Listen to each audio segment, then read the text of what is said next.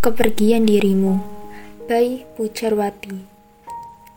Sepi sunyi yang kini sedang aku rasakan. Tidak ada yang bisa membuatku tersenyum kembali.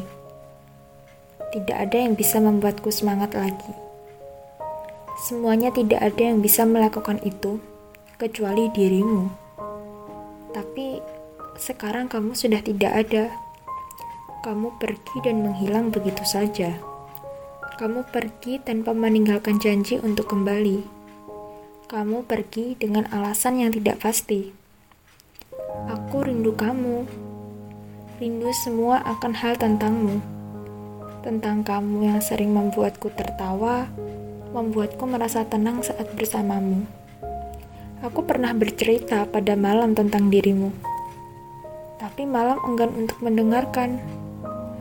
Apa mungkin itu adalah tanda bahwa kamu bukan untukku? Ya, mungkin benar. Karena saat itu tidak ada rasa berat dalam dirimu. Saat kau pergi dan menghilang dari hidupku.